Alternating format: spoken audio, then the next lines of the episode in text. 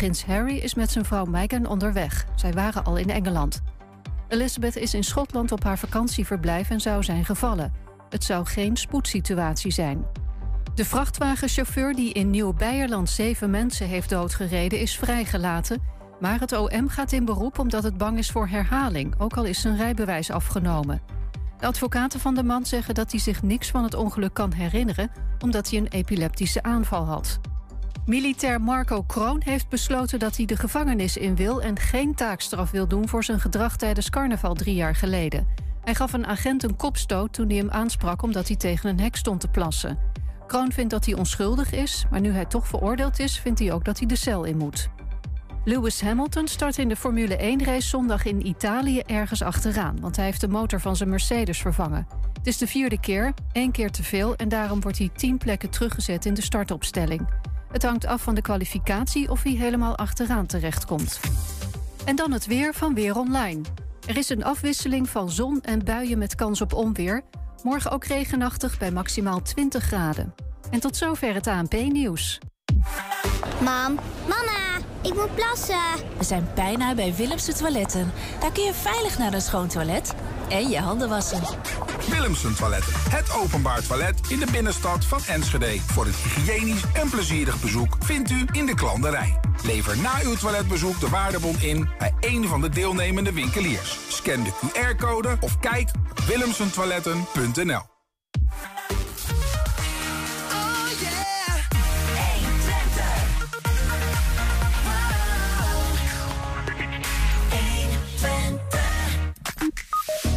Dat er stijgende armoede is, dat hoeven we je niet te vertellen. Maar dat zien ze ook bij Caritas in Hengelo. Ben Boxenbelt gaat er zo meteen eh, wat over vertellen.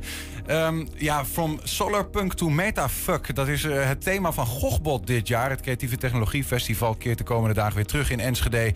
Nou, wat dat precies betekent, dat thema, en uh, hoe de kunstenaars dat gaan laten zien... Dat, daar gaan we het ook over hebben in deze uitzending. En in het Twents Kwartierken aandacht aan de Open Monumentendagen, ook dit weekend. En daar bespreken we een typisch monument ergens ergens in Vroomshoop, de Kalkwijk distilleerderij.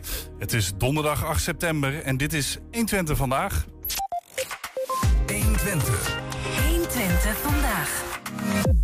Ja, waar de Caritas-instelling van parochie De Goede Herder in Hengelo in heel 2021 zeven aanvragen om hulp kreeg, kwamen er eind augustus van dit jaar in anderhalve week ook zeven aanvragen binnen.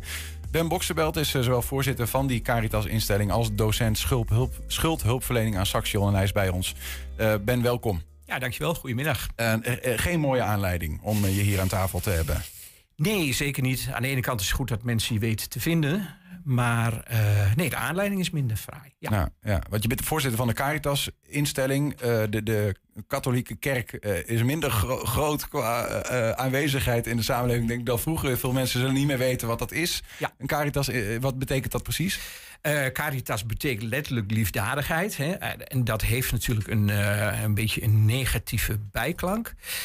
Uh, het komt erop neer dat de parochies in Hengelo al, al meer dan een eeuw lang de gelovigen uh, dubbeltjes en kwartjes en nu euro's uh, inleveren bij de collectes of geld overmaken. Ja. En dat is een hele pot met geld geworden. die potten met geld van al die parochies die worden belegd door het bisdom. En dat doen ze best goed. En van dat rendement mogen wij mensen helpen. Ja, en dat doe je gewoon door te kijken waar is nood. En die mensen geven je een zak geld? Of hoe werkt dat eigenlijk? nou, zak geld was maar waar. Nee, zo, zoveel is het ook weer niet. Uh, soms worden mensen uh, verwezen door een hulpverleningsinstantie. Die weten ons ook steeds beter te vinden. En soms uh, doen ze rechtstreeks een beroep op de pastor. Dat zijn dan vaak mensen die zelf ook katholiek zijn. uh, en soms bellen ze ons rechtstreeks of mailen ze. Ja. En um, ja, dan, we geven geen structurele hulp, maar we proberen mensen over een hobbel heen te helpen, waardoor ze weer verder kunnen. Ja. Maar ook het gevoel te geven van, er zijn mensen die naar je omkijken. Ja. De, en ik kan me voorstellen dat dat niet altijd alleen maar in uh, gewoon inderdaad rechtstreeks financiële hulp zit, maar ook in adviezen bijvoorbeeld? Of... Ja, ik heb nu pas heb ik bijvoorbeeld voor iemand, uh, een Syrische vluchteling, die uh, zich heel erg zorgen maakte over zijn familie, die in het uh, in Libanees vluchtelingenkamp zit met kleine kinderen. Heb ik gekeken van, goh, nou is er een jurist die die mensen kan, kan adviseren. Dus dat gaat niet altijd over armoede in dat opzicht. Nee, dat was wel iemand met een minimuminkomen, maar dat gaat niet altijd over armoede. Ander mooi voorbeeld, als dat even kan. Nou ja, was dat ik, laatst, ik was laatst bij een, eh, iemand die verwezen was eh, door, door werkkracht. En ik zit bij die man en ik zie op zijn schutting zie ik logo van FC Twente staan. En dat was de, de, de dag voor de uitwedstrijd tegen Fiorentina. Dus ik zei, nou, ben je fan? Ja, zei, maar ik ben, ben al heel lang niet meer geweest. En ehm zei, nou, morgen een belangrijke dag. En we praten zo wat over verder. En ik kom thuis en ik denk, ik ga op social media een oproep doen van welk bedrijf heeft er nog plek in de skybox, het liefst voor de thuiswedstrijd. En eh, nou, de bedrijven bleven angstvallig stil. Maar er was wel een particuliere mevrouw. En die zei, eh, ik ga maandag proberen om kaartjes te kopen. En eh, dan ga ik ook een extra kaartje voor hem kopen. Nou, vond ik fantastisch. En een uur later eh, kreeg ik weer een berichtje van die mevrouw. En die zei van, vraag hem eens even of hij nog een vriend heeft die hij mee wil nemen. Dan ga ik twee kaartjes kopen. En toen kreeg hij maandag erop kreeg ik, een, eh, kreeg ik een berichtje van haar van, nou, het is niet gelukt. Maar ik heb wel een kaartje voor de wedstrijd tegen PSV gekocht. Nou, dat was ook geen straf. Eh, en eh, uiteindelijk heb ik via, via heb ik toch kaartjes voor, eh, Toch voor de thuiswedstrijd tegen Fiorentina gekregen. En het mooie vond ik dat die man zei... het is de eerste keer in al die tijd dat er iemand zich om mij bekommert. En dat was natuurlijk niet helemaal waar, want hij had een hele goede bewindvoerder en hij had hulpverleners. Maar toch, ja, dat was misschien nog wel belangrijker dan het geld Ja. wat we hem konden geven. En geld is dan ook maar een, Een middel. een middel, Ja, inderdaad. ja. Ik, ik, ik zit even te denken. We hebben hier ehm, wel eens gesprekken met de gemeente eh, Enschede bijvoorbeeld... of Hengelo gehad over, over armoede. In Enschede speelt dat natuurlijk ook heel erg. En dan hoor je wel eens... ehm, het is voor de gemeente lastig om eigenlijk alle problemen te achterhalen... die achter die voordeuren spelen. Mensen zijn wantrouwend soms tegen de overheid. En die gemeente staat ver, ver weg. Ja. En eh, die zeggen nu ook van ja, misschien moeten we toch meer de verenigingen in de stad benaderen. Maar ook de kerken. Ja. Ik kan mij voorstellen dat de, de Caritas-instelling van de parochies in Hengelo dichter bij de mensen staat en daardoor ook veel meer ziet van wat er daadwerkelijk gebeurt. Ja, tot op zekere hoogte. Ehm, hoewel, wat je net al zei, die groep eh, is natuurlijk wel steeds kleiner aan het worden. Wat wel grappig is, is dat die groep ook steeds diverser aan het worden is. We hebben heel veel ehm parochianen die eh, niet uit Nederland afkomstig zijn, maar die eh, bijvoorbeeld christenen die uit Syrië of Irak komen, of uit eh, Afrikaanse landen, en die, ehm, ja, die je op zondagochtend ook in de kerk ziet. En, ehm, en die vertrouwen hebben in de kerk, ja. Ja. En veel minder waarschijnlijk in de overheid. Ja, ja.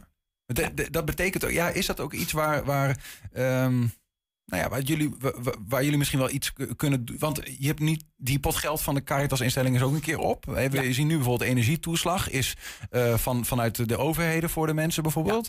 Nou ja, dat je een soort van tussenfunctie kunt spelen. Dat je mensen zegt, hey, let op, er is meer. Ehm, dat je, ja, Ja, zeker. Eh, en soms kun je ook eh, een tussenfunctie vervullen in de zin dat je mensen op weg zet naar de hulpverlening. Ja. Ik heb bijvoorbeeld eh, ook in die tien dagen een aanvraag gekregen van een Afrikaanse man. Die helemaal overstuurde aan de telefoon. Uiteindelijk begreep ik uit zijn verhaal van... ik word morgen uit mijn kamer gezet. Een kamer en ik word er morgen uitgezet. Ik heb geen onderdak en ik heb geen eten. Nou, uiteindelijk hebben we wat voor die man kunnen betekenen. Ehm, die man die bleek ehm, zijn werk kwijtgeraakt te zijn... omdat hij eh, aan een, een behoorlijk ernstige vorm van epilepsie leed.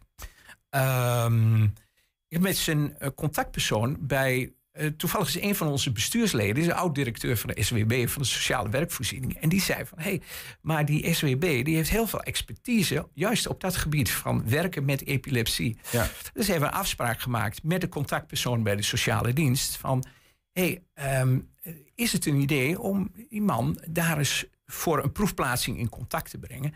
En op die manier breng je juist mensen soms weer in aanraking met hulpverleners die iets voor ze kunnen betekenen. Ja. Ja. En dat is een, een voorbeeld die je nu noemt van een van die aanvragen die je dan Ja, dat eh, was de een van, een tijd... van die, eh, een van die van die- aanvragen. En een man waar Ja. we ook weer eh, toch binnen twee dagen onderdak voor hebben kunnen vinden. Ja, ja, maar goed, het is wel explosief, hè? Wat we noemen in de intro eh, zeven aanvragen in heel 2022 tegenover nu zeven in de laatste anderhalve week van augustus. Ja, die hadden niet allemaal met inflatie te maken. Hè, die, die, die FC Twente-man bijvoorbeeld, die zat gewoon al 15 jaar in de schulden. Ja. Ehm, maar ik ben ze wel tegengekomen. Ik ben, ik ben bijvoorbeeld een echtpaar tegengekomen. Eh, mensen met een inkomen, eh, een wat ouder echtpaar, man al met pensioen, vrouw net niet. Inkomen van 200 euro boven het, eh, boven het minimum. En die vielen overal buiten. Ook die energietoeslag komen ze niet voor in aanraak, aanmerking. Wonen in een huis uit begin jaren 70, wat nog niet op de nominatie staat om eh, verduurzaamd te worden. En hebben vorig jaar eh, hun, eh, liep hun energiecontract af en gingen van een voorschot van 240 naar 480 in de maand. En die vrouw die zegt, ja, ik had met die 240 euro per maand, had ik ongeveer 45 euro per week te besteden aan boodschappen voor ons beiden. Ja. Nou, ga jij maar eens boodschappen doen van 45 euro. Nu moet ze 480 betalen. Ze zegt, ja, ik heb dat willens en wetens, heb ik dat verlaagd naar 480, omdat ik anders niks meer te eten heb. Maar ik weet dat in december de eindafrekening rekening komt. komt. Ja, En dan? ja, en dan? Ze had de vakantiegeld had ze nog achterhand gehouden. Zo van, dan kan ik daar misschien wat mee. Dus ze plande het ook echt wel goed Ja, hoor. ja. Maar, ehm, maar ja, goed, toen ging de wasmachine kapot. Moest die vervangen worden.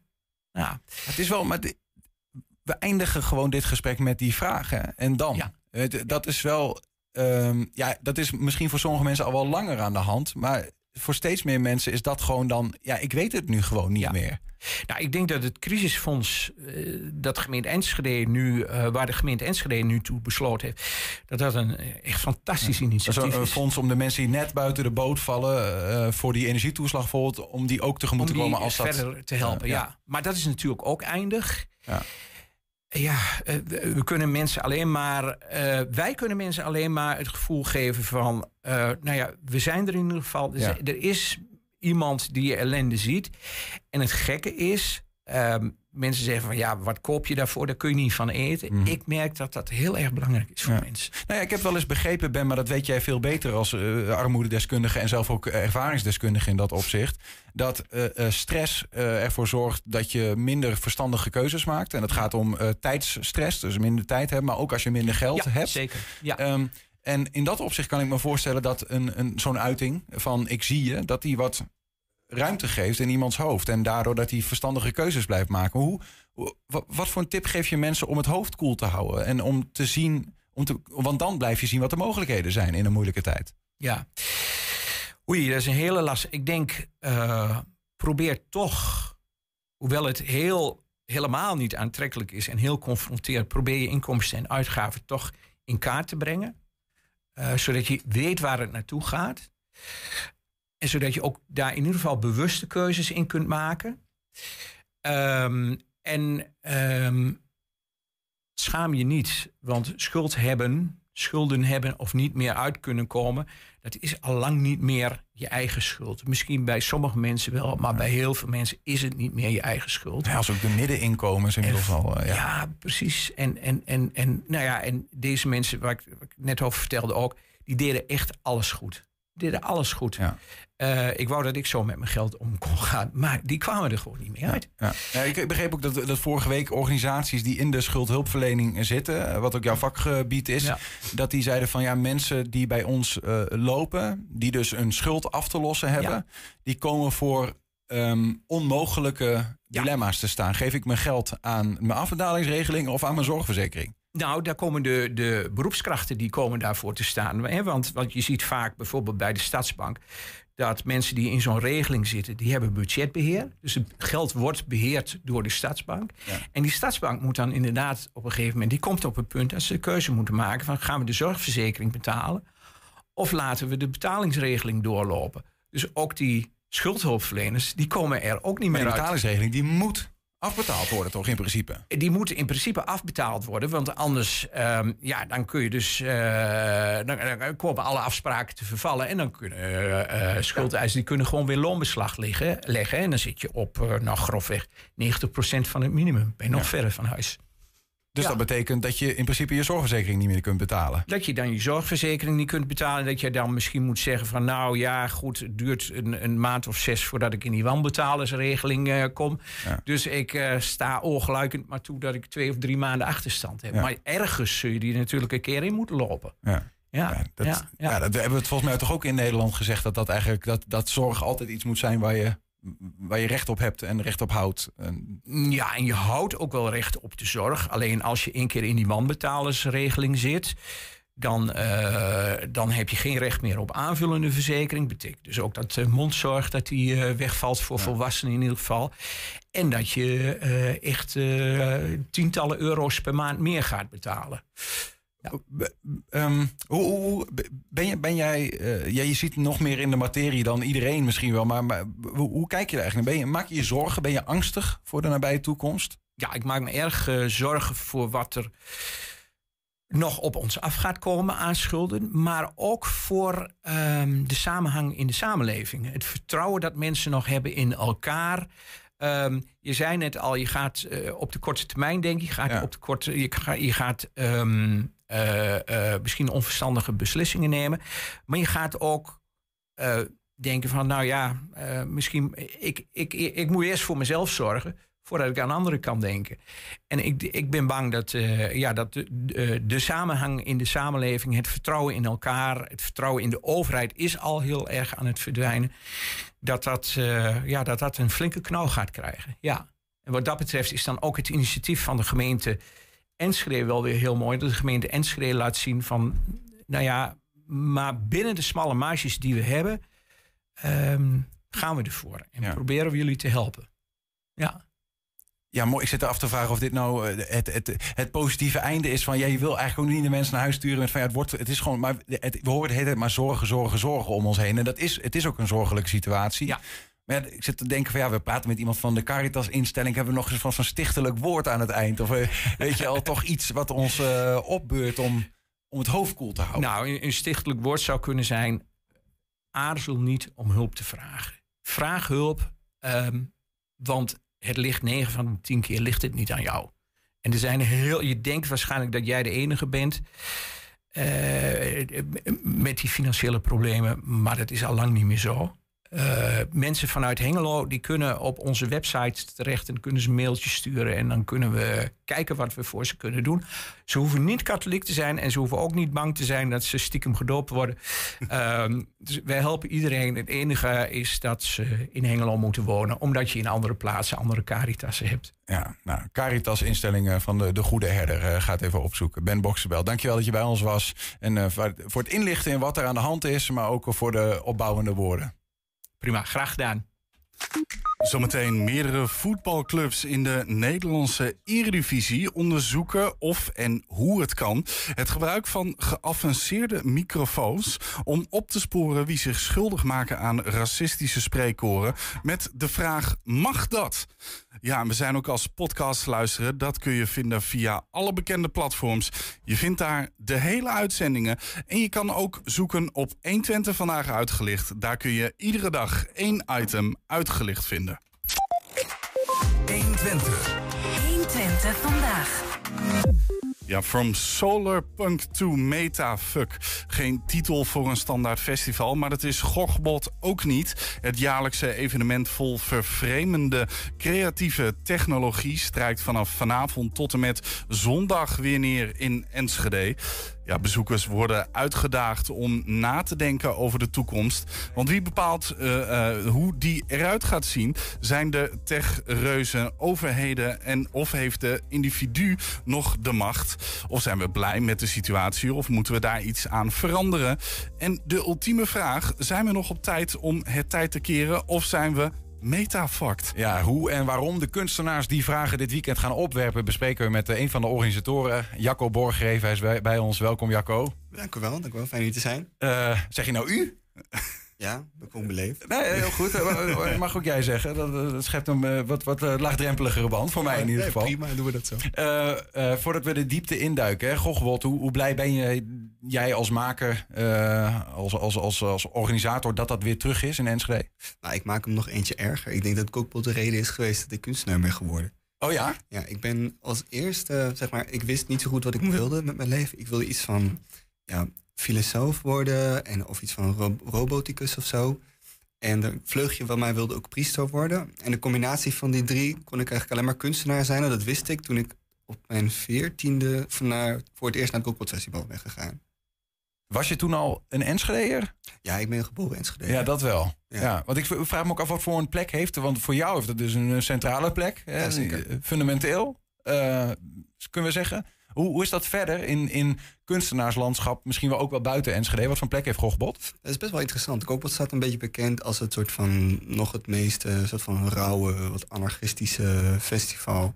Dat tegelijkertijd binnen een soort van um, tech-context werkt. Ja. Dus het is, het is heel gebruikelijk dat of dingen ontzettend uh, strak gelijnd zijn of heel erg, ja, hoe moet ik het zeggen, zeg maar heel erg uh, rigide ingericht zijn. Mm en Gokpot heeft nog een beetje, die combineert dus die kakerscultuur met wel een hele soort van strakke, rechte programmering. Ja, ja, precies. Ja, want dat is het. Hè. Want de organisatie uh, staat gewoon als een, als een huis wat dat betreft. Maar ook als ik, uh, ik, ik lees me in voor de dingen die wij hier uh, bespreken. En dan denk ik van, nou, kom, Gokbot komt eraan. Nou, en dan zie ik een tekst en dan denk ik, holy shit. From solarpunk to metafuck. Alleen zo, al zo'n titel, zeg maar. Mm -hmm. um, het, het, is wel een heel vervreemdend festival wat dat betreft. Het is een festival dat ervan houdt om de randjes op te zoeken. En ik denk dat dat ook rechtstreeks uit, in het hart van de organisatie ligt. Ik bedoel, in zekere zin is Cockpot natuurlijk een soort van het brainchild van Kees de Groot, die ermee begonnen is, ja. uh, 18 jaar geleden geloof ik nu. En alles komt daar ook heel erg uit. En het is in zekere zin gewoon, ja, uh, het, hoort allemaal bij elkaar. En er hoort allemaal bij elkaar. En die rauwheid die komt daar ook bij kijken. Ja. Wat maakt dat jij het dan zo intrigerend vond op je veertiende... dat je dacht, hier wil ik een onderdeel van zijn en blijven? Het was een soort van, een soort van bijna een soort van shock waar ik in beland was. Ik weet nog dat, uh, dat ik over het, het marktplein liep op het, uh, bij de kerk. En uh, dat is de Oude Markt. Mm -hmm. En uh, dat, ik, dat ik een karaoke booth-achtig iets inliep. En daar werd alleen maar grindcore gedraaid. Dus hele extreme death metal. En uh, dat was een grindcore karaoke. En dat maakte eigenlijk helemaal geen zak uit of je, hoe hard je schreeuwde of waar je schreeuwde of whatever. En toen dacht ik echt van. En ik bedoel, als 14-jarige ben je natuurlijk heel gevoelig voor dat soort dingen. En ik vond dat ontzettend vet. Ik had er zoiets van wow, dat mensen dus inderdaad oproepen om niet precies te weten wat ze doen en daar heel hard op in te gaan. Met dus wel een hele dikke theoretische onderbouwing erachter. En dat, Want- is, die, dat is die combinatie die zo interessant Nou is. ja, want weet je nog wat het thema was in die tijd? Eh, nou, er zijn een hoop thema's geweest. Ik weet niet precies meer wat het thema was. Ik weet nog wel dat toen Nyan Cat, die regenboogkat, zeg maar, die op die biscuit rijdt, ik meen, een- oude meme van vroeger, Ja? die stond toen op de poster. Dus ik zou vandaag moeten vragen welke editie dat was. Dat weet ik niet precies meer. Maar in de tussentijd is er heel veel gebeurd. Ik bedoel, we hebben eh, het Teledildonics thema gehad. We hebben het eh, BioArt thema gehad. We hebben het Quantum Computing thema gehad. Ja. En dit jaar So Future. Nou ja, precies. So Future. Met, met de kernvraag: kunnen we de wereld nog redden of zijn we meta-fucked? Ehm, om, om die vraag te ontleden en misschien daar ook eh, wat van gedachten over te wisselen, moeten we misschien eerst eens even definiëren wat is, wat is meta-fucked? Wanneer zijn we meta-fucked? Nou, metafact is, ehm, het is niet een hele, het is niet, hoe moet ik het zeggen? Ja, het is natuurlijk niet een soort van woordenboekdefinitie, een woordenboekdefinitie voor te vinden of zo. Maar metafact verwijst voor ons naar het idee dat we dus zo erg vastzitten in een bepaalde toekomst. Dus in een soort van ja, virtuele realiteit. Maar die virtuele realiteit hoeft niet in de computer te zitten. Die kan ook gewoon in de, in de maatschappij zelf zitten, zeg maar. Dat er geen enkele mogelijkheid meer is om, om voor ons om daar nog ergens naar te zeggen. Dus dan worden we metafucked. We worden, we worden zo ontzettend genaaid en we kunnen totaal geen kant meer op. Maar meta verwijst dan naar eh, bijvoorbeeld Metaverse, hè, het Ja. speeltje van eh, Mark Zuckerberg op dit Ja, moment. verwijst naar metaverse, verwijst naar, naar een soort van, ja, in zekere zin de Matrix. Alles verwijst naar de Matrix natuurlijk. maar- Ik denk dat er heel veel mensen zijn die, die denken, ja, ik heb daar wel eens van gehoord, of misschien niet. Maar wat, wat houdt dat dan concreet in bijvoorbeeld? Heb je nu al bijvoorbeeld uitwassen in het, in de technologische wereld van je zegt, nou ja, die zijn ons gewoon aan het indammen, zeg maar. Nou ja, er is natuurlijk al heel lang, en dat is inmiddels helemaal geen, geen nieuw nieuws meer of zo, is dat bedrijven zoals Facebook, bedrijven zoals Instagram, dat soort dingen profiteren van het verslaafd maken van, van mensen aan hun producten. Mhm. En uh, daar zit natuurlijk wel degelijk een soort van laag in waarin je dan een maatschappij sturende maakt richting een bepaald ding. Ja. En dat, is, dat ding is dan op dit moment gewoon een soort van marktconformiteit, uh, marktconformisme, zeg maar. Om even een leuk woordje aan te hangen. Ja. Dus doe maar gewoon zoals we willen dat je doet, zodat je dan bij de winkel terug blijft komen. Dat idee. En wie op dit moment bepaalt waar die totalitariteit zit, dat is dan de vrije markt. Maar dat, kan, dat had net zo goed wat anders kunnen zijn. Wat mij betreft maakt het niet uit waar die totalitariteit vandaan komt. Ja. De, de, ik heb daar nu wel een beeld van, wat je, wat je bedoelt met, nou ja, eh, een soort van in de tang zijn van de big tech misschien wel. Dat- eh, de is- TikToks is van deze maar- wereld. Precies, dat is zeg maar de makkelijkste manier om naar te verwijzen. Ja. Dus op dit moment is het gewoon van ja, de, de, de, de fuckers in de metafuck, dat Ja. zijn op dit moment gewoon de big tech bedrijven. En wat bedoelen we dan met eh, solarpunk? Want het thema from solarpunk to metafuck, dat lijkt een soort van waaier. eh, het ene staat daar tegenover het andere. Ik denk dat het belangrijk was om aan te geven dat, dat het thema hier ook heel erg veel gaat over futurismen. Dus we denken vaak over de, de toekomst. Hè? Dus dan is het één ding, de toekomst. Terwijl wij willen na- nadenken over toekomsten, dus futurismen, zeg maar. En daarin hebben we dus een soort van spectrum, Ja. waarin wij dan zeggen aan de ene kant zit de, de solarpunk. En met de solarpunk bedoel ik dat iedereen dus een soort van, eh, nou ja, bij wijze van spreken de klimaatverandering gefixt heeft door middel van het allemaal hebben van zonnepanelen, maar Ja. allemaal persoonlijk. En dan niet op de manier zoals we gaan de zon zeg maar, teruggeven aan de energiebedrijven. Dus we gaan zon opwerken voor de energiebedrijven. Zoals dat nu ongeveer gebeurt. Maar dat we dus zelf onze eigen stroom gaan opwekken voor onszelf. Misschien Mhm. zelfs op, weet ik veel, op busjes, op campers, whatever. Om, om eh, de, de macht weer in eigen handen te nemen, bedoel om, je om op die manier dus zeg maar eh, samenlevingen, kleinere samenlevingen vorm te geven. Waarin we dus met z'n allen werken aan, eh, aan, aan onze eigen energievoorziening. Om dus vooral die onafhankelijkheid te stimuleren. Het gaat heel erg om die onafhankelijkheid in het thema van Solarpunk. Ja. En aan de andere kant staat dus die metafuck. Dus die complete totalitaire... Ja, maar ik, ik, ik, ik, eh, ik zie ook wel dat jullie de vraag willen opwerpen van hey, wa- waar willen we vooral dat, eh, als je het hebt over solarpunk en metafuck en zit waarschijnlijk van alles tussen, eh, waar ligt het zwaartepunt? Ligt het zwaartepunt op onafhankelijkheid of eh, willen we dat de Mark Zuckerbergs van deze wereld dienst uitmaken? Nou ja, dat is natuurlijk een beetje, zeg maar, uiteindelijk dan, dan willen wij natuurlijk dat we in ieder geval nog het, eh, het stokje in de hand houden. Ja. Maar dus dat we gewoon daar autoriteit kunnen uitoefenen over, over ons eigen leven. Dus dat antwoord ga je wel ook soort van geven tijdens Gogbot. Ik denk dat het, nou ja, dat is gewoon heel erg aan de individuele kunstenaar natuurlijk. Wij, Ja. wij, wij zijn natuurlijk een, eh, in eerste plaats een kunstfestival, tweede plaats een muziekfestival. Iedere act heeft daar natuurlijk een eigen antwoord op. En dat is ook het leuke. De kunstenaar die onderzoekt met, met, met hun werk, dus die, ehm, die potentiële toekomst op allerlei Ja. verschillende manieren. Maar werpt de kunstenaar eh, f- eh, meer vragen op of geeft hij antwoorden? Of is dat voor iedere kunstenaar ook verschillend? Ik denk, dat is, dat is geen quote van Kokpot, maar van mezelf. Ik denk dat iedere kunstenaar die denkt dat hij een antwoord heeft, nog geen antwoord heeft gevonden. Ik bedoel, ik geloof fundamenteel niet in dat de kunst vragen kan beantwoorden. Maar ik geloof wel dat de vragen die die stelt, waardevolle vragen kunnen zijn. Ja, ja. Nou ja, wat ik, ik weet, jij, jij- jij gelooft heel erg in. ehm, nou ja, de kunstenaar is vaak in deze tijd een activist. Die vertel, willen een verhaal vertellen.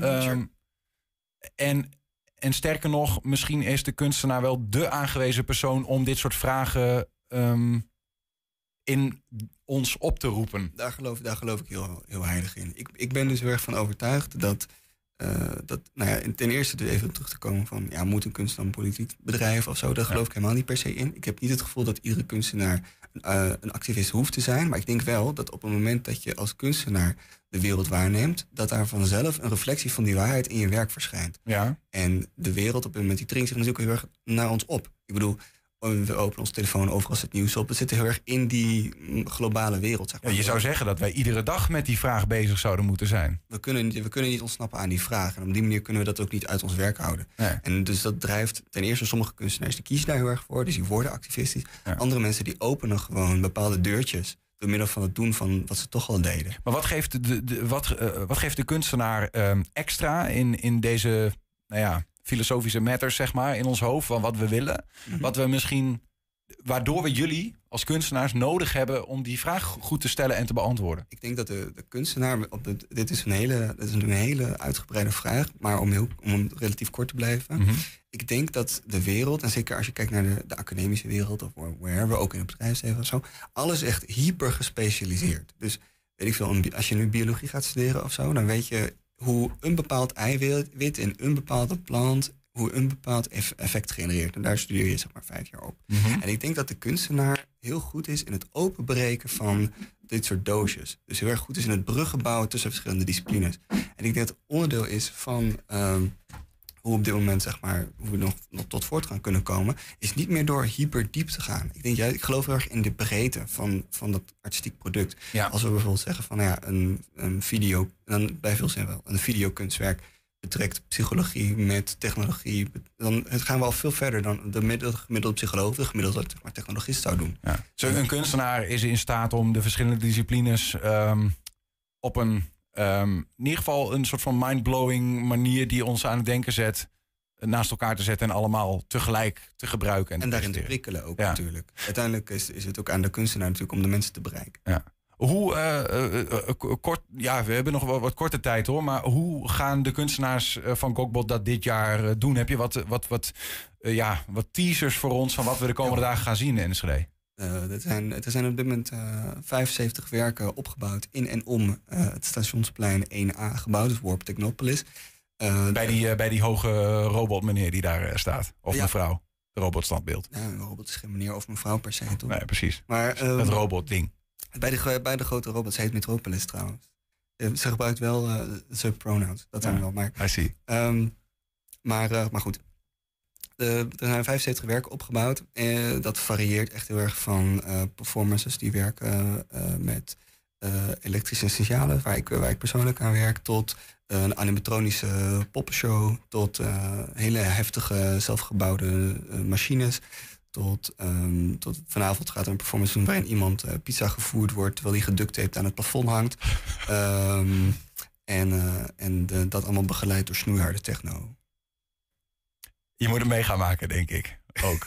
Eh, go- eh, website gochbot.nl, hè, als we dingen weer even willen. Ja, zeker. De tentoonstelling is open eh, iedere dag van 12 tot 11, dus 12 uur 's middags tot 11 uur 's avond. Mhm. En eh, na 11 uur zijn de, zijn de feesten. Mooi. Dankjewel, eh Jacco, voor een inleiding in het thema. En eh, we gaan het meemaken de komende dagen. Gochbot in. Enschede. Jacco Borggever, dankjewel. Dankjewel. Zometeen in een nieuwe editie van het Twents kwartierke aandacht voor de Monumentendag. 120. 120 vandaag. Ja, meerdere voetbalclubs in de Nederlandse Eredivisie onderzoeken of en hoe het kan. Het gebruik van geavanceerde microfoons om op te sporen wie zich schuldig maken aan racistische spreekkoren. Ja, supporters maken zich op hun eh, eh, beurt zorgen voor Chinese toestanden. Waarbij mensen voortdurend door technologie in de gaten worden gehouden. De vraag is: mag dat überhaupt? Rechtspraak met Damstee Advocaten. We praten erover met de privacyadvocaat Thomas ten Berge. Hij is bij ons. Welkom, Thomas. Welkom, dank je. Eh, microfoons in stadions. Eh, ik, heb- we zien natuurlijk eh, camera's in stadions. Want ja, er wordt een voetbalwedstrijd geregistreerd. Maar wa- wat, wat is er aan de hand met die microfoons? Ja, dat is inderdaad een aanleiding ook van een bericht in de NRC van de vorige week. Nou, wat, de, ehm, wat ze in de stadions doen is ze hangen microfoons op om eigenlijk de zangkoren van bepaalde groepen supporters af te luisteren. Of in ieder geval op te nemen. Eh, of in de gaten te houden. Om te kijken of er dingen worden gezongen die niet door de beugel kunnen. En nou, dat ze daar, daar dan eh, op kunnen acteren. Ja, ja. Dat heeft te maken met eh, racistische spreekhoren. Ja, dat is een plan wat uit nou, het KNVB en de overheid nou, een paar jaar geleden ook is opgezet. Dat ze zeggen, we moeten daar meer greep op hebben. We moeten beter kunnen identificeren wat ze zingen en wie dat doet. Ja. Om dat ook ja, dat, nou, beter te kunnen aanpakken. En vooral racisme of andere ja, dingen die eigenlijk gewoon niet, niet kunnen. Ja. Ik, ik kan me voorstellen dat je dan eh, stewards hebt in een stadion die daarnaar luisteren en die proberen dat op te vangen. Maar ik kan me ook heel goed voorstellen dat je dan zegt, ja, wij, onze menselijke oren komen op een bepaald moment, eh, nou ja, gewoon kunde tekort. Dus we gaan eh, technologie inzetten, in dit geval microfoons. Maar wat is daarmee, want tegelijkertijd zie je dat supporters zeggen, oh, wacht even, dit is een probleem voor ons. Wat is het probleem? Ja, precies. Het gaat meestal om een, om een kleinere groep natuurlijk in een heel groot stadion. Wat, waar die koren dan vandaan komen. Dat is ook het, het grootste bezwaar. Eh, iedereen wordt in de gaten gehouden, eh, zeggen ze. En eigenlijk is iedereen van tevoren al verdacht. En dat vinden ze niet helemaal eerlijk. Ehm, kijk, het is moeilijk om als steward door een stadion heen te lopen... en dan iemand aan te wijzen, ah, jij hebt iets gezegd of gezongen. Eh, dus dat is ook de reden dat ze nu naar andere technieken kijken... om het in ieder geval nou, de sneller door te hebben... en ook inderdaad daarna te kunnen vervolgen. Ja. Zou het echt nodig zijn. En, nou, en het bezwaar is eh, nu vooral van, nou, dat het niet duidelijk is dat het gebeurt. eh, dat de omvang niet duidelijk is. Dus nou, wordt iedereen in de gaten gehouden? Wordt het opgeslagen? Wat wordt ermee gedaan? Mhm. Eh, en dat je van tevoren ook niet weet dat je wordt opgenomen. Dus je kunt een stadion inlopen en je ziet camera's, camerabewaking staan. Je denkt, oké, ik kom op de camera. Maar je weet niet dat, je, dat ook microfoons boven het, het vak hangen waar jij zit. En dat je ook wat kan worden afgeluisterd. Ja, maar stel dat dat zou worden aangegeven, is het dan juridisch meteen dichtgespijkerd? Ah, nee, niet meteen. Ehm, het is een eerste stap. En dat zegt de autoriteit persoonsgegevens ook over dit onderwerp. De privacywaakhond. Precies, Ja. ja. Je, je moet eh, aangeven dat je het doet. eh, maar daarnaast moet je ook aangeven waarom je eh, iets nou, wil opnemen. En dus de, doel, de doelstelling moet duidelijk zijn. Ehm, en hierin is dan wel van belang dat als jij een stadion binnenloopt... dat je misschien niet altijd kan zien... of een heel nou, overeenkomst wil tekenen met... dit en dit doen we allemaal in het stadion. Dan moet je allemaal toestemming voor geven. Dat hoeft ook niet. Je Nee. kan gewoon een belang hebben daarin. En je kan zeggen van ja, wij doen dit en hou daar rekening mee. Eh, maar dan moet je er ook bij zeggen waarom je het doet. En waar je het voor gaat gebruiken. Dus als jij die gegevens wil delen met de politie bijvoorbeeld... omdat er strafrechtelijk onderzoek mee wordt gedaan... zul je dat moeten aangeven. Ja. En, en ja, dat, dat gebeurt nog niet echt goed en ook nog niet duidelijk genoeg. Ik, ik begrijp wel dat die voetbalclubs, en dat zijn er eh, volgens mij een drietal die daar nu mee aan het experimenteren zijn. Mhm. PSV, Feyenoord, Zwolle. Eh, allemaal op, op een andere, eh, iets wat andere manier. Maar dat er bijvoorbeeld in een van die stadions een techniek wordt toegepast waarbij ze eh, eigenlijk eerst eh, proberen te luisteren met die microfoons. En dan gaat er een, een techniek, een, algoritme, die gaat dan checken van hey, wijkt de- dit spreekkoor af van wat wij gewend zijn hier in het stadion. Mhm. En dan pas komt er eigenlijk iemand bij om te kijken, eh, als er een signaal komt van hey, dit zou wel eens een afwijkend spreekkoor kunnen zijn, die lijkt misschien wel op racisme of wat dan ook. Ja. Komt er een persoon bij kijken en die gaat luisteren van wat is hier nou, nou echt aan de hand. Eh, en, en sommigen zeggen van ook dan pas gaan we opnemen, zeg maar. Ja. Eh, is de, maakt dat nog een, een, een verschil? En ik kan me voorstellen, inderdaad, als je de Mhm. hele tijd opneemt, ja, dan kun je van alles waarnemen. En ander- nu is het echt van nee, pas als we zien dat het racistisch is, dan gaan we het opnemen als bewijsmateriaal. Ja, dat, dat is sowieso een hele goede stap. Eh, Je, eh, een van de uitgangspunten binnen eh, de privacywet AVG is ook dat je eh, doet aan eh, minimalisatie van de verwerking van data. Ja. Dus niet meer data verwerken dan dat nodig is. Ja, wat dan onder data verwerken valt, dat is doorgaans inderdaad het opnemen, eh, het opslaan of er, er wat anders mee doen. Het, eh, ja, alleen het, het rechtstreeks streamen, dat is niet altijd een dataverwerking. Dat ligt ook maar net aan hè, hoe je dat allemaal weer opslaat. Of het toch nog ergens wordt achtergehouden of dat er nog wat anders mee wordt gedaan. Het feit dat ze zeggen van oké, we hebben eh, software die bijvoorbeeld herkent dat een bepaalde leus wordt gesproken. En, dat, en ze hebben een lijst die daarnaast ligt van nou, dit, dit zijn allemaal dingen die we eerder hebben gehoord. Die willen we liever niet meer horen en we horen dat. En dan schakelen we mensen. Dat vind ik een heel goed, eh, een hele goede stap. Je wil niet dat je in een situatie terechtkomt dat er meteen al automatisch een besluit wordt genomen. Van hè, we hebben het idee dat jij wat zingt. En niemand, eh, geen enkel mens heeft ernaar gekeken, maar jij mag het stadion niet meer in. Dat wil je voor zijn. Ja. En dan is dit nog een hele goede stap. Ja, dat wordt de taak van de handhaver overgenomen door computers wat dat betreft. Ja, dat moeten we niet willen. Nee. Ja, tegelijkertijd is, is ook, ook met een tussenstap, is het ook, Mhm. eh, op mij geeft het ook wel een beetje een. ehm, nou, ik snap die, die, die Chinese toestanden dan in die zin wel een beetje. Als je in dit, in, nu leven we in een samenleving waarin, eh, nou ja, als ik eh, zonder licht op mijn fiets eh, rij en ik ga langs oom agent, dan laat hij me soms ook gewoon gaan. Ehm, en als hij me wil hebben, dan, dan heeft hij me. Maar het is niet zo dat ik altijd maar onder dat vergrootglas eh lig. En als je techniek toepast, ja, die zal op een gegeven moment, misschien zelfs met overal ogen en oortjes in dit geval, Mhm. ehm, eh, zal je altijd in de gaten kunnen houden en het ook altijd goed hebben van, hè, die heeft inderdaad zijn licht niet aan, zal het altijd zien. Ehm, in hoeverre be- beschermt de wet ons tegen een soort van wereld waarin we altijd achterom moeten kijken of zeg maar ja, nooit langs de randjes kunnen, kunnen varen, zo ik bedoel, langs de randjes van de wet. Nou, nou, dat is ook eh, een van de redenen dat de autoriteit persoonsgegevens heeft gezegd van eh, wat nu gebeurt mag niet. Omdat je in ieder geval moet weten dat je in de gaten wordt gehouden. En je moet weten eh, eh, wat er allemaal gebeurt. Ja. We, we leven niet in een politiestaat waar je inderdaad eh, constant 24-7 in de gaten moet worden gehouden. Er is ook een heel verschil in het strafrecht tussen bijvoorbeeld eh, heterdaad of niet. En wanneer je nou iets wel of niet mag doen. Bijvoorbeeld als jij een overtreding begaat. en jij, jij, jij fietst ergens zonder licht. Maar niemand heeft het gezien. Ja, dan kom je er in principe mee weg. Ja. Eh, en inderdaad word jij betrapt. En dat kan inderdaad met camerabeelden zijn of door, eh, door eh, oom agent.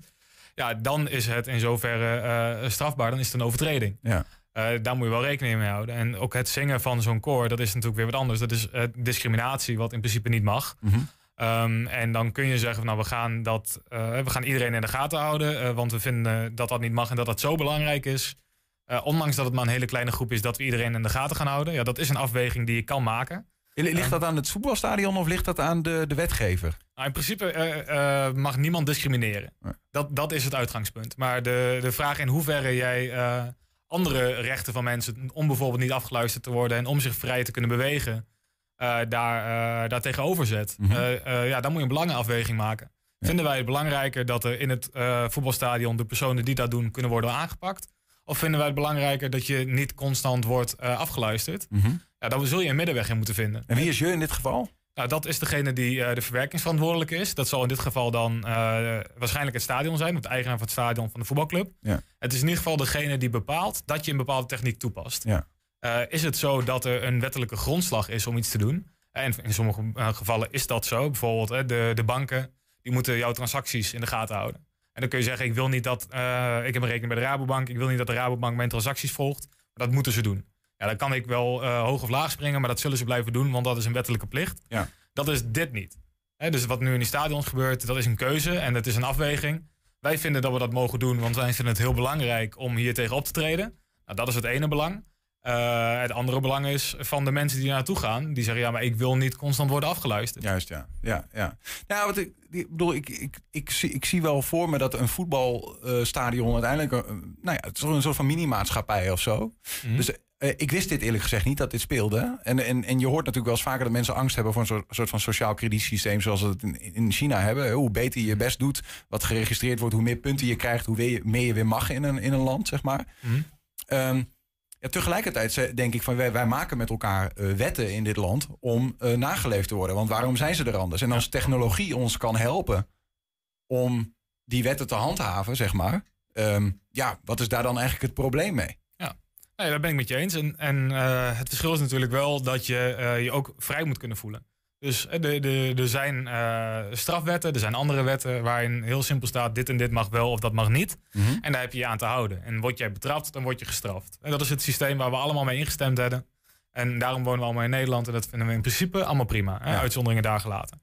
Ehm, maar er zal altijd een belangafweging moeten zijn. Want ook al die mensen die in dat stadion zitten en die niks strafbaars doen, die worden ook gevolgd. En dan kun je zeggen, ja, je mag ook niet zomaar iedereen in de gaten houden. Ja. En dus dat blijft een afweging het blijft van een eh, afweging. verschillende. Ja. Ja, er is nog één ding wat ik eh, even met je wil bespreken, eh, Thomas. Dat is wat ik ook in dat NRC-artikel las. En dat wist ik eerlijk gezegd niet. Dat er stadions doen aan, dan moet ik het even goed zeggen, massale moeddetectie. De- heb je dat, weet je wat het is? De- Ja, de- heb- ik ook gelezen inderdaad. Ja. Ja, ja, ja dat, dat is inderdaad wel een, een redelijk extreme vorm van het beïnvloeden, denk ik, van, eh, van, van de sfeer in een stadion. Ja, wat zeggen we? Ze, ze hebben ca- camera's. Ze zien daarmee eh, het publiek een bepaalde beweging maken. En aan de hand van die beweging kunnen ze blijkbaar aflezen wat is ongeveer de sfeer in het stadion. Mhm. En dan kijken ze van, nou ja, eh, ehm, hoe wordt die sfeer bepaald? Hè? Soms door, door de wedstrijd of door spreekkoren of wat dan ook. Maar kunnen we daar iets tegenover zetten in het stadion? Bijvoorbeeld door teksten van positieve spreekkoren te projecteren in het stadion. Mhm. Met een soort bijna karaoke-like eh, cursortje erbij. Om het gedrag van eh, supporters te beïnvloeden. Toen dacht ik ook wel van ja, is, is dat nog iets waar, waar, waar jouw vakgebied Mhm. zeg maar iets van vindt? Nou, het, ik vind het, eh, het concept zelf vind ik best wel interessant. Hè? Dat je inderdaad kijkt van, eh, nou, we gaan de gezichtsuitdrukking of inderdaad de beweging van mensen aflezen. Techniek is daar heel ver in. Eh, en in zoverre, als dat allemaal gebeurt op een manier eh, die niet naar jou terug te leiden is en eh, waar je later geen last van gaat hebben. Mhm. Dus niet van, ah, je bent een, een, een agressief persoon en dat gaan we ergens anders weer voor gebruiken. Maar puur om de sfeer te bepalen in het stadion, denk ik dat daar niet per se wat op tegen is. Maar eh, dat is dan wel kijkend van wat doen ze ermee en hoe ver gaan ze erin. Ja. Ik vergelijk het maar met de geur van, van gemaaid gras in een winkelcentrum, waardoor iedereen op de zondag toch rustig is, terwijl er allemaal dingen om zich heen gebeuren. Ja, moet je daar wat op tegen hebben? Ik, ik denk het niet. En ga je inderdaad kijken naar een, naar een stadion en er is een groep met supporters die denken van ja, oh, de wedstrijd wordt weer heel spannend of de sfeer wordt wat grimmig. En we gaan proberen om mensen allemaal een beetje op te vrolijken om, dat, om die sfeer een beetje te dempen. Zie ik geen probleem in. Maar ja, dat... eh, Ja, dat het zijn in ieder geval super interessante ontwikkelingen in, eh, eh, nou ja, in dit geval in het voetballandschap. Maar misschien zien we dat in de maatschappij ook wel weer terugkomen. Eh, die ik denk dat jouw vakgebied ook nog interessanter maken de komende tijd, dit soort technologie. Zeker, wij eh, wij blijven op de voet volgen. En eh, ja, alles wat erbij komt, zorgt voor ons weer voor eh, meer dingen die we, eh, waar we wat over kunnen vinden en die we bij kunnen houden. Ja, succes met het behartigen van onze belangen in die, eh, in die opzichten. Dankjewel. Dankjewel. Thomas ten Berge was bij ons. Ja, heb je een tip voor de redactie? Mail dat dan naar info.120.nl Twente. 120 vandaag. Het is tijd voor de, het contrast van de donderdag. Dat is eh, vaker zo dat we Damstee uitzwaaien en Adrie eh, verwelkomen. Nou, dat is toch een, stukje luchtigheid om de uitzending mee af te sluiten. We hebben het vandaag gehad over eh, eh, technologie en hoe eh, de big tech ons niet in de macht moet eh, krijgen. Maar ook hoe camera's en microfoons in stadions eh, ja, misschien wel eh, worden toegepast. Maar dat er ook grenzen aan zitten en zo. Nou, in het Twents kwartierke gaan we eventjes, eventjes achteroverleunen, iets meer. Welkom eh, Adrie, welkom terug. Ja, hallo. En je hebt weer iemand meegebracht, komen we zo, eh, komen we zo op. Zeker. Maar we gaan eerst even traditioneel gezien. Je geeft ons natuurlijk Twentse les. Hè. We krijgen ook van dit, dit keer weer eh, een paar woorden van je te leren. Even terug naar vorige week, wat we toen hebben geleerd. Ik zet even de telefoon uit hoor, want straks dan belt mijn dochter. eh, Vanuit Brazilië. Hoe gaat het Ja, met ze, met haar? Prima. Ze Ja? heeft alweer vrij, want ze zit aan het strand. Oh, nou. In, in december en januari hebben we ook vrij, want dat is vakantie. Lekker aan het strand in Brazilië. Lekker weg, eh, wegbranden daar. Nou, vorige week in de Twents kwartier. En Adrie, neem ons even mee. Dat was Ips.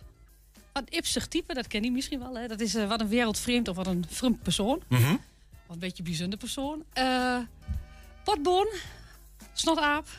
Staat dan voor een potboon. Hè? Dat, Ja, eh, dat herkende jouw dochter omdat ze Ja. dat wel eens eh, naar haar hoofd geslingerd dat krijgt. klopt, dat heb ik wel eens Ja. gezegd. Ja, dat klopt. We hadden jouw dochter vorige week in het Ja. voor alle duidelijkheid. Ja.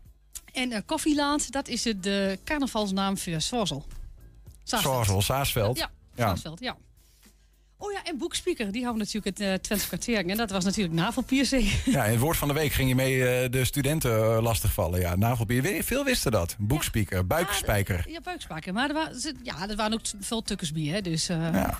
Nou, maar deze week weer, eh, wat ik al zeg, eh, nieuwe woorden om te leren van je. En eh, die leiden we altijd in met een, eh, met, met een thema. En het thema is deze week eh, de Open Monumentendagen, want die eh, zijn aankomend weekend. En op zaterdag gebeurt het ook in eh Vrooms Hoop, in de landbouwstokerij van Lisanne Benes. En Lisanne is bij ons, welkom. Hi, ja, dankjewel. Je, je bent eigenaar van Kalkwijk Distillers, moet ik dat zo Distillers, zeggen? ja. Distillers. Engelse, Engelse naam, ja. Heb ik de, de, de eerste vraag, want het gaat natuurlijk over het gebouw vooral dit, is dat dat zit in een Groninger boerderij. Ja. Mooi. Ja. In Vroomshoop. In Fromshoop. De boerderij is van 1904.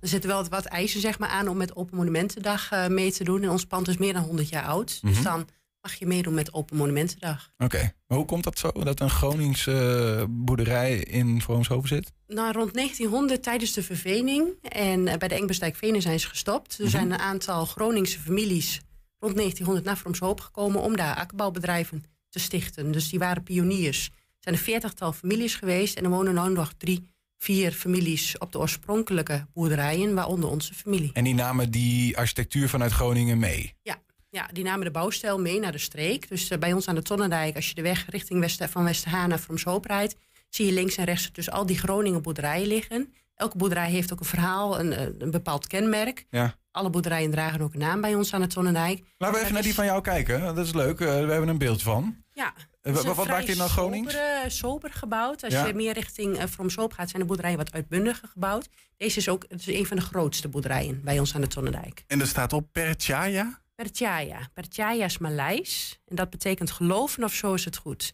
Dus dat is wel heel typisch in Twente, een Groningen boerderij met een Maleisische naam. Maar deze boerderij is gebouwd met behulp van een investeringsmaatschappij.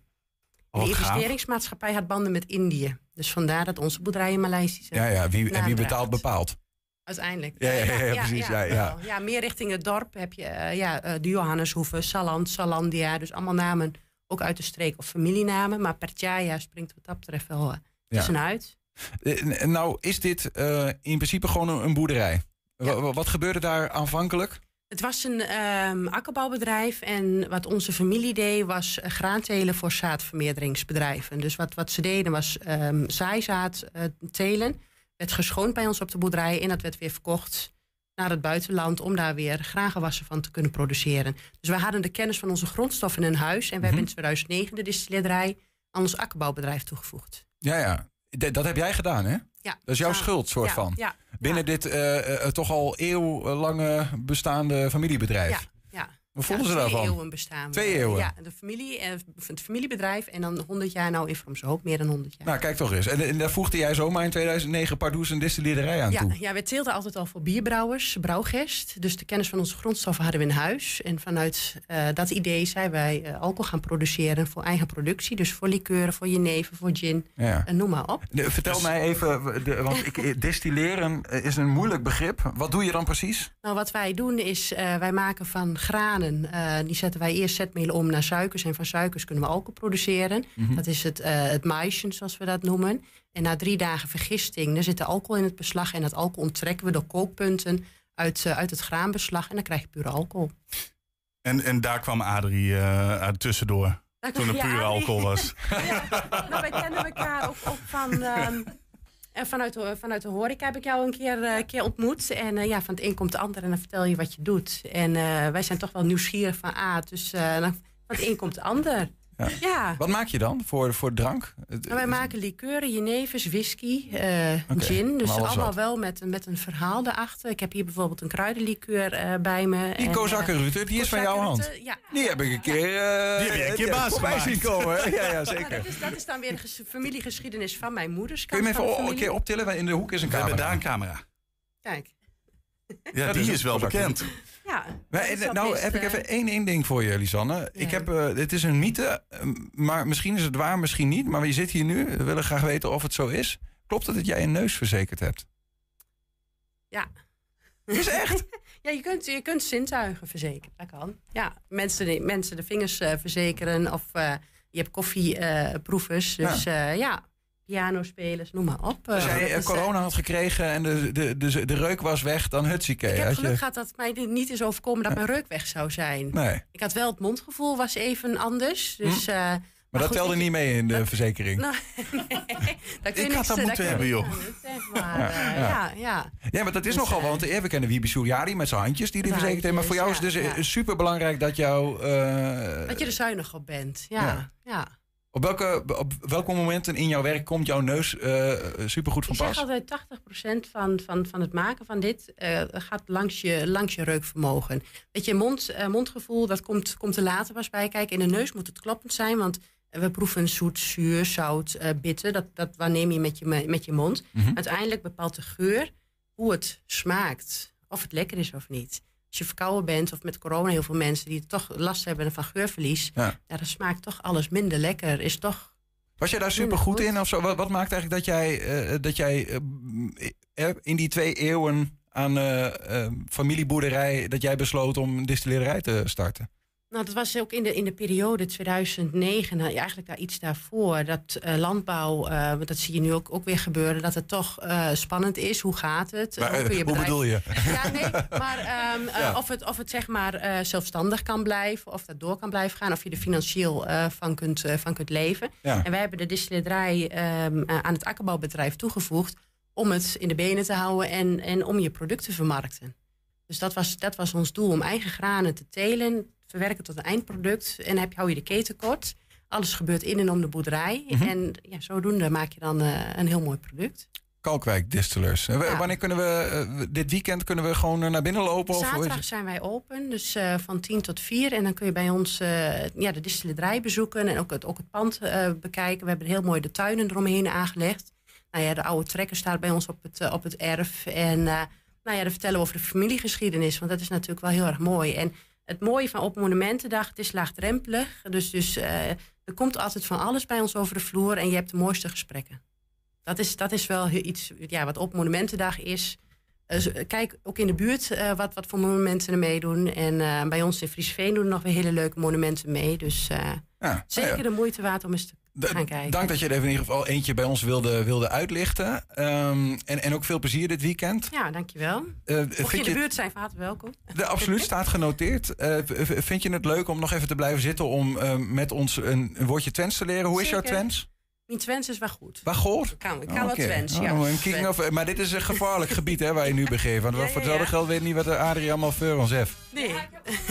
Andere dingen weer. Dat heeft te maken natuurlijk met alcohol en met een boerderie. Dus, Ja, eh, precies. Want je hebt weer een quiz voor ons voorbereid. nou, drie, heb ik drie woorden. En geweest. Voordat we dat doen, want we hebben gisteren hadden wij, eh, hadden wij ook een interview. En daar heeft Niels ja echt, hij excelleerde in het Twents. Ik heb het gehoord, want ik heb het zien. ja, dit is Ja, echt waar. eh, Ik heb Riesenwijk. een appje van Adrie gekregen. Zeg, ik heb gehoord, het interview met Jan, Riesenwijk, top. Ja, dat Ja, was, ja. was bijzonder goed. Dus je merkt dan toch wel, het leert wel. Vooruitgang, ja, ja, ja. Dat, eh, En ik ben weer dit weekend, eh, zondag, de traditionele Feuring barbecue in Hardenberg. Bij Rezen, bij de familie. Oh. Nou, die praten ook allemaal, eh, nou dat is geen Twents, maar meer Neder-Saxisch, Sallands. Ja, Sallands. Nou, dus eh, dan kan ik maar beter weer een beetje mijn best doen eh, als ik door ben. ja, maar u had er toch wel bij, maar toch, hè, als, voor een extra bonuspunt. Langzamerhand komt bij Goos. Eh, dit, dit keer weer drie nieuwe woorden. Heb je ons meegenomen? Drie Twentse woorden en telkens drie Nederlandse betekenissen. Eén daarvan is maar goed. Nou, het is aan ons om te redeneren of te weten welke. Ja, het eerste woord, dat is eh hanenhulte. Mhm. Nou, wat zal dat dan nu weer weer? Dus elke week dezelfde vraag natuurlijk. Is het een kippenhok? Ja. Het, ho- het hoort waarschijnlijk een beetje bij het thema. Want dat is vaak hang je de woorden een beetje op aan het thema. Dus, Is het neusholte? Want hè, Lisanne heeft de neus ver, eh, verzekerd. Hè? Ah. Ja, of is het C? Is het een dakgebind? Dus dat is eigenlijk... is een dakgebind? een dakgebind is een dwarsbalk eh, boven in... eh, die eigenlijk Zo'n drager. Ja, ja. Wat zal... Ja. Een hanenhulte. Hanenhulte, ja. Ja, je zou bijna zeggen A, maar dat heeft echt helemaal niks volgens mij met het thema te maken. Dus dan zou ik toch zeggen B.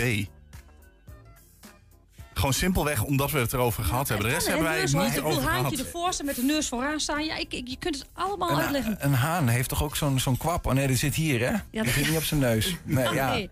nee, dat is een cassuary. Oh nee, die heeft ook op zijn hoofd. Nee.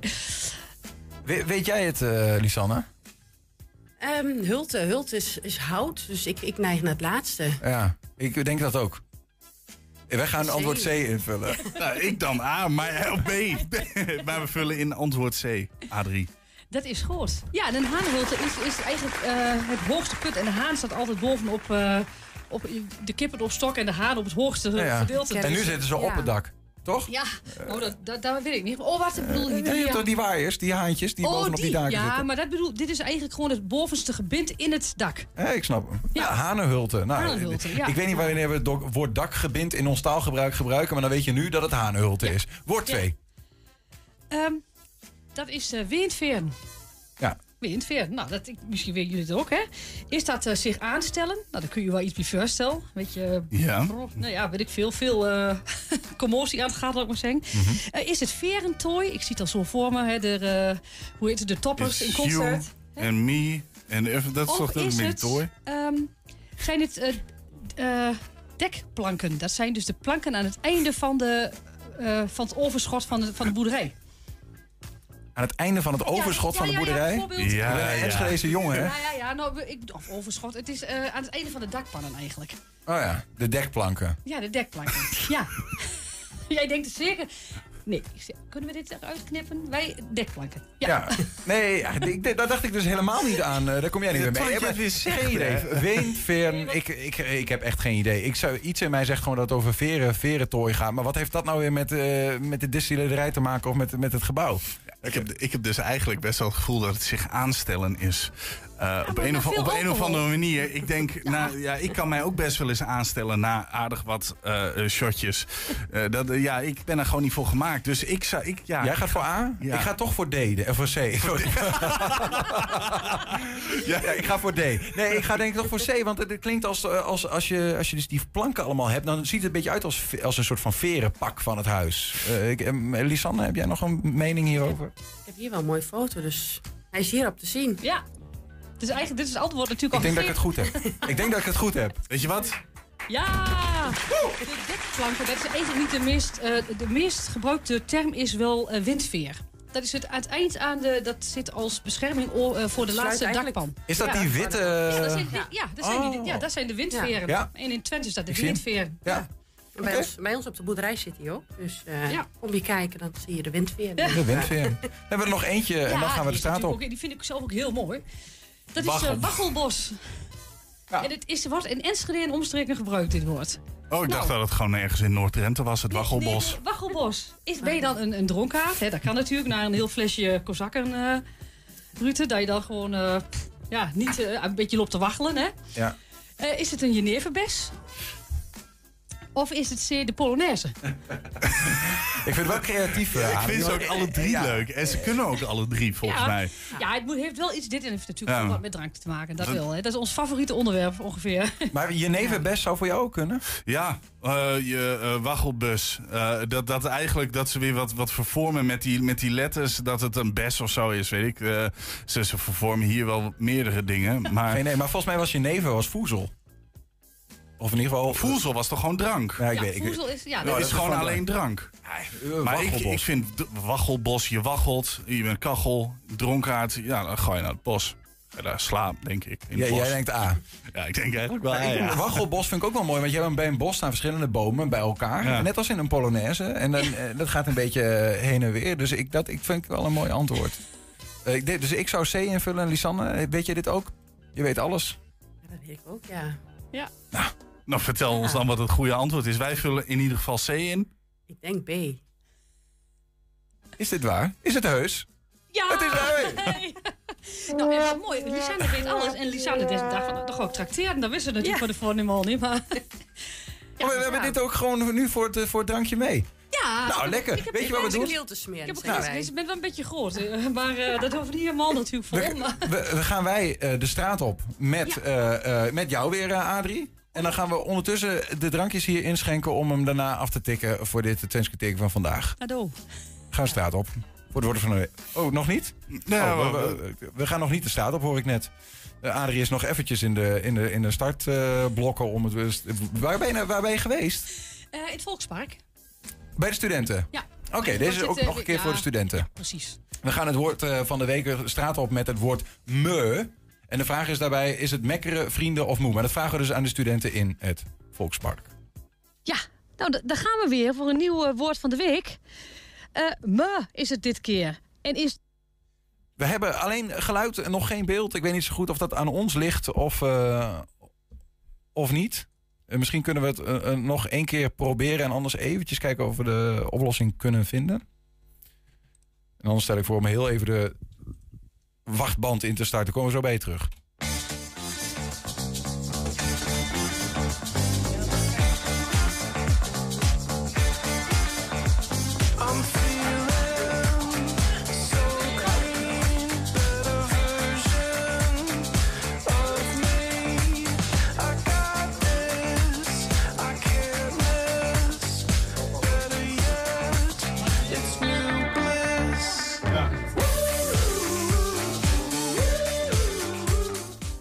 Het, lijkt erop dat we beeld hebben. Eh, dus we gaan het gewoon nog een keer proberen, joh. Adrie, met het woord van de week. Ja, nou, daar gaan we weer voor een nieuw eh, woord van de week. Eh me is het dit keer. En is dat A, mekkeren? Is dat B, vrienden? Of is dat C, ik ben heel erg moe? Nou, wie gaat op pad? Ik zou zeggen moe. Moe. En wat zou jij zeggen? Ik denk ook moe eigenlijk. Ja? Maar het is geen moe. Ja, je- Er moet een instinker tussen zitten, toch? It's the, it's the Dutch dialect from here. Mua. Oh, it's me. Mua. Me, yeah. And it means... eh ja, ja, doorgaan. hey, we hebben een vraagje. Woord van de week is dit, dit keer me. Me is het Twents woord, hè? Is, het, is dat A, mekkeren? Betekent dat dat in het Nederlands? Betekent dat vrienden of betekent dat moe? Ik denk eh, nummer C, moe. Ja? Ja? Ben jij al moe? Ik ben nog niet moe hoor. Nee, hoe vaak ga je dit doen? Nou, nu niet meer zoveel, maar... Nee? Te veel bier gehad? Nou... Oh, ja. Hebben jullie... eh, jullie hebben wel tijd, toch? Ja. Ja, kijk eens aan. Woord van de week. Ja, ik moet even de microfoon erbij pakken. Woord van de week. Woord van de week, Twents woord. Eh, me staat hier. Me? Ja, dan denk je van me. Nou, Ja. het, zijn, het is niet schapen hoor, maar eh, is het A, mekkeren? Is het B, vrienden? Of is het C, moe? Ah, mekkeren. Ja? Ja, En waarom denk je dat? omdat ik uit Twente kom. Nee. Echt? Ja. Oh, Ik denk A. A. En waarom denk je dat? Geen idee. Nee? Gewoon mijn gevoel. Je hebt gewoon een associatie ja, het bij je... A of C voor mijn gevoel, maar niet B. Het zou wel B zijn. Oh, Ja, jullie willen dat wel. Kom eens even kijken, jongens. Woord van de week. Twents woord van de week. Me. Ja, dat kun je uitspreken. Als je nog meer bier drinkt, dan gaat het nog beter. Ja, wel niet heel erg eh voor hand liggend. zeg. Ik denk dat het dan toch mekkeren is. Ja? En wat denk jij? Ik denk C. Ja, en waarom denk je dat? Ja, nog wat of zo, ik weet niet. Ja. Het lijkt me een beetje te, te voorhand liggend. Ja? Maar, eh, Ja, dat ga ik doen. Nou, het woord van de week. Ja, ik denk dat het een strikvraag is. Dat gok ik zo. Dus ik ga voor A, mekkeren. En jij gaat dus voor C. Ja, Oh. dat het goed voor de hand ligt. Ik ga voor C. Jij gaat, en waarom ga je voor C? Ja, het klinkt als moe en ja, ik, een beetje plat. Dus. En jij? Ehm, ja, ik ga ook voor C. Ja? Om dezelfde reden. Jullie zijn toch nog niet moe? N- nee. Vrienden denk ik helemaal niet. Nee? Nee. Oh. En dat is een. Ja, ik kom eraan. Ik kom eraan. Ja, me. Me. Nou, ziet het weer heel goed na. Jij, ken jij hem ook? Me. Ja. Dat is volgens mij C hoor. Ja? Mhm. Oh, is het moe? Heb je, er, heb je er al last van? Nee, nee, zeker niet. Ik ben ook wel een beetje me. Ja? Ja, een klein beetje. Hoe komt het dan? Slecht geslapen vandaag. Ja, wat is er met je arm gebeurd? Ja, vandaag. eh is gebroken. Vannacht? Pols gebroken. Nee, Beetje eh, soep brengen naar gewoon. Nog één keer, sorry? Beetje soep brengen naar gewoon. Ja, precies, ja. Wat denk jij? Wat het is? Ja. Oeh. Ehm. Ja, A. Ah. Mekkeren. en- Mekkeren. En jij? Me betekent vrienden. Ja, sowieso. Ja, me. Dat is sowieso. Je maten toch? Nee. Ik ben. Nou, ik, ik het mag is niks B. zeggen. Het is B. Mevrouw, het is B. Wacht hij al? Ja? Uh, me. Ja, dat is wel weer eh, even een raadsel. Wat is dat? We hebben van alles gehoord. eh, A, B of C. Maar eh, studio, wat denken jullie? Me is B, vrienden. Ik denk, ik denk aan die laatste jongens hier, ik denk eerder dat het antwoord D stoned is. ik moet wel met hem meegaan. Ik vind het zo goed. Ja, dat is wel heel goed, ja. ja dit- het, ik vind het ook zo grappig om te zien dat er van die studenten tussen zitten die het gaan overanalyseren, weet je wel. En dan zeggen ja, nee, het kan, me, dat klinkt te veel als moe, dus dat zal wel niet zijn. Dan wordt het mekkeren. Ja, ik, volgens mij is het toch zo'n typische Twentse uitspraak. Die zegt, ja, hoe gaat het? Oh, me, me. Dat is toch zo'n ding van, eh, weet je... Is het, is het niet murder of zo? Is het niet met, met iets, iets erachteraan? Dat kan toch niet moe zijn? Dat, dat, is, dat is denk ik te makkelijk. Want ehm, volgens mij is van het Duits af. Dus zou dan met DE of zo erachteraan zijn. Als ik het in Jij het Duits gaat- ga jij zeggen. gaat voor B, Eh, eh, ik denk A, eh, mekkeren. Maar ik ga voor B, vrienden. Want ja, ik ben het toch al met die jongen eens. Ja, ik ga toch gewoon eh, voor me, me. Ik ben me, me, moe, moe. Eh, de- gewoon, het is gewoon eh, antwoord C, hoor. Hartstikke A- idee. Adrie, vertel het ons. Ja, nee, het Andere Adrie. Jongens, het goede antwoord, dat is B. Vrienden. Nee, echt niet? Ja, echt wel. Het is van mos, me. En me is M-E-U, van moe. En dit is me. M, eh, je kunt het schrijven met M. Ja, nu, nu ik zo naar je uitspraak luister en inderdaad in één keer denk ik, oh ja, me dat is Ja. met M-E-U en me. Dat zijn de meervoud van maten, van moord. Dit is toch Ik ben met, ik gewoon met de me of gewoon met de cameragok. Ja, nou ja. Ja. Maar die jongen die vond ik fantastisch. Met die dreadlocks en zo. Die, eh, dit, is ook gewoon reclame voor eh, wiet, hè? Wat je, gewoon, blijkbaar werkt dat. in deze moeilijke en nou ja, sombere tijden kun je dat beter doen. Wat zeg je, Marley? Wat zeg je, Marley? Ik moet nog even naar Vrommers vragen. Vrommes, ja, dat is onze dames whisky en eh sigarengenootschap. Want daar zitten wij ook allebei in. Ja, daar, daar kennen jullie elkaar van. Ja, ja. Maar ja, dat vind ik toch wel een wonderlijk fenomeen. Hoeveel mensen zitten, hoeveel vrouwen zitten erin, Lisanne? Zeven? Zitten ons, in een ontzettende sigarendamp. Ja, ja. ja. à la Johan Derksen. gewoon vrouwmens. Vrommes. Vrommens, vrouwen. Brommers, kijk Ja, over de Ja. brommers. Ja. Maar, en Ja, we- dat gaat heel goed. Ja, nee, daar doen we niet zoveel. Brommers, kijk, nee, en vooral sigaren op. Oh, hoe vaak komen jullie eh, bij elkaar, Lisanne? Een Een paar keer per jaar. Ja. paar keer per jaar. Ja. En wat, wat, wat is dan... eh, waar gaat het dan over? En we doen alleen wat we leuk vinden. Ja, ja, ja. Dus, dus dat is een, een Cohiba-sigaar erbij en een, eh, en een goede scotch. En dan, eh, en dan kletsen Ja. over, eh, over wat Kunnen er wij, zo waar, waar is gebeurt. dit? Waar speelt dit daar zich af? Kunnen wij daar een keer bij zijn met een camera? dat lijkt mij geweldig. op ehm, eh, commissie komen, toch? ja, ja, ja. Oh, Misschien moeten we dan een keer op commissie gaan komen, Niels.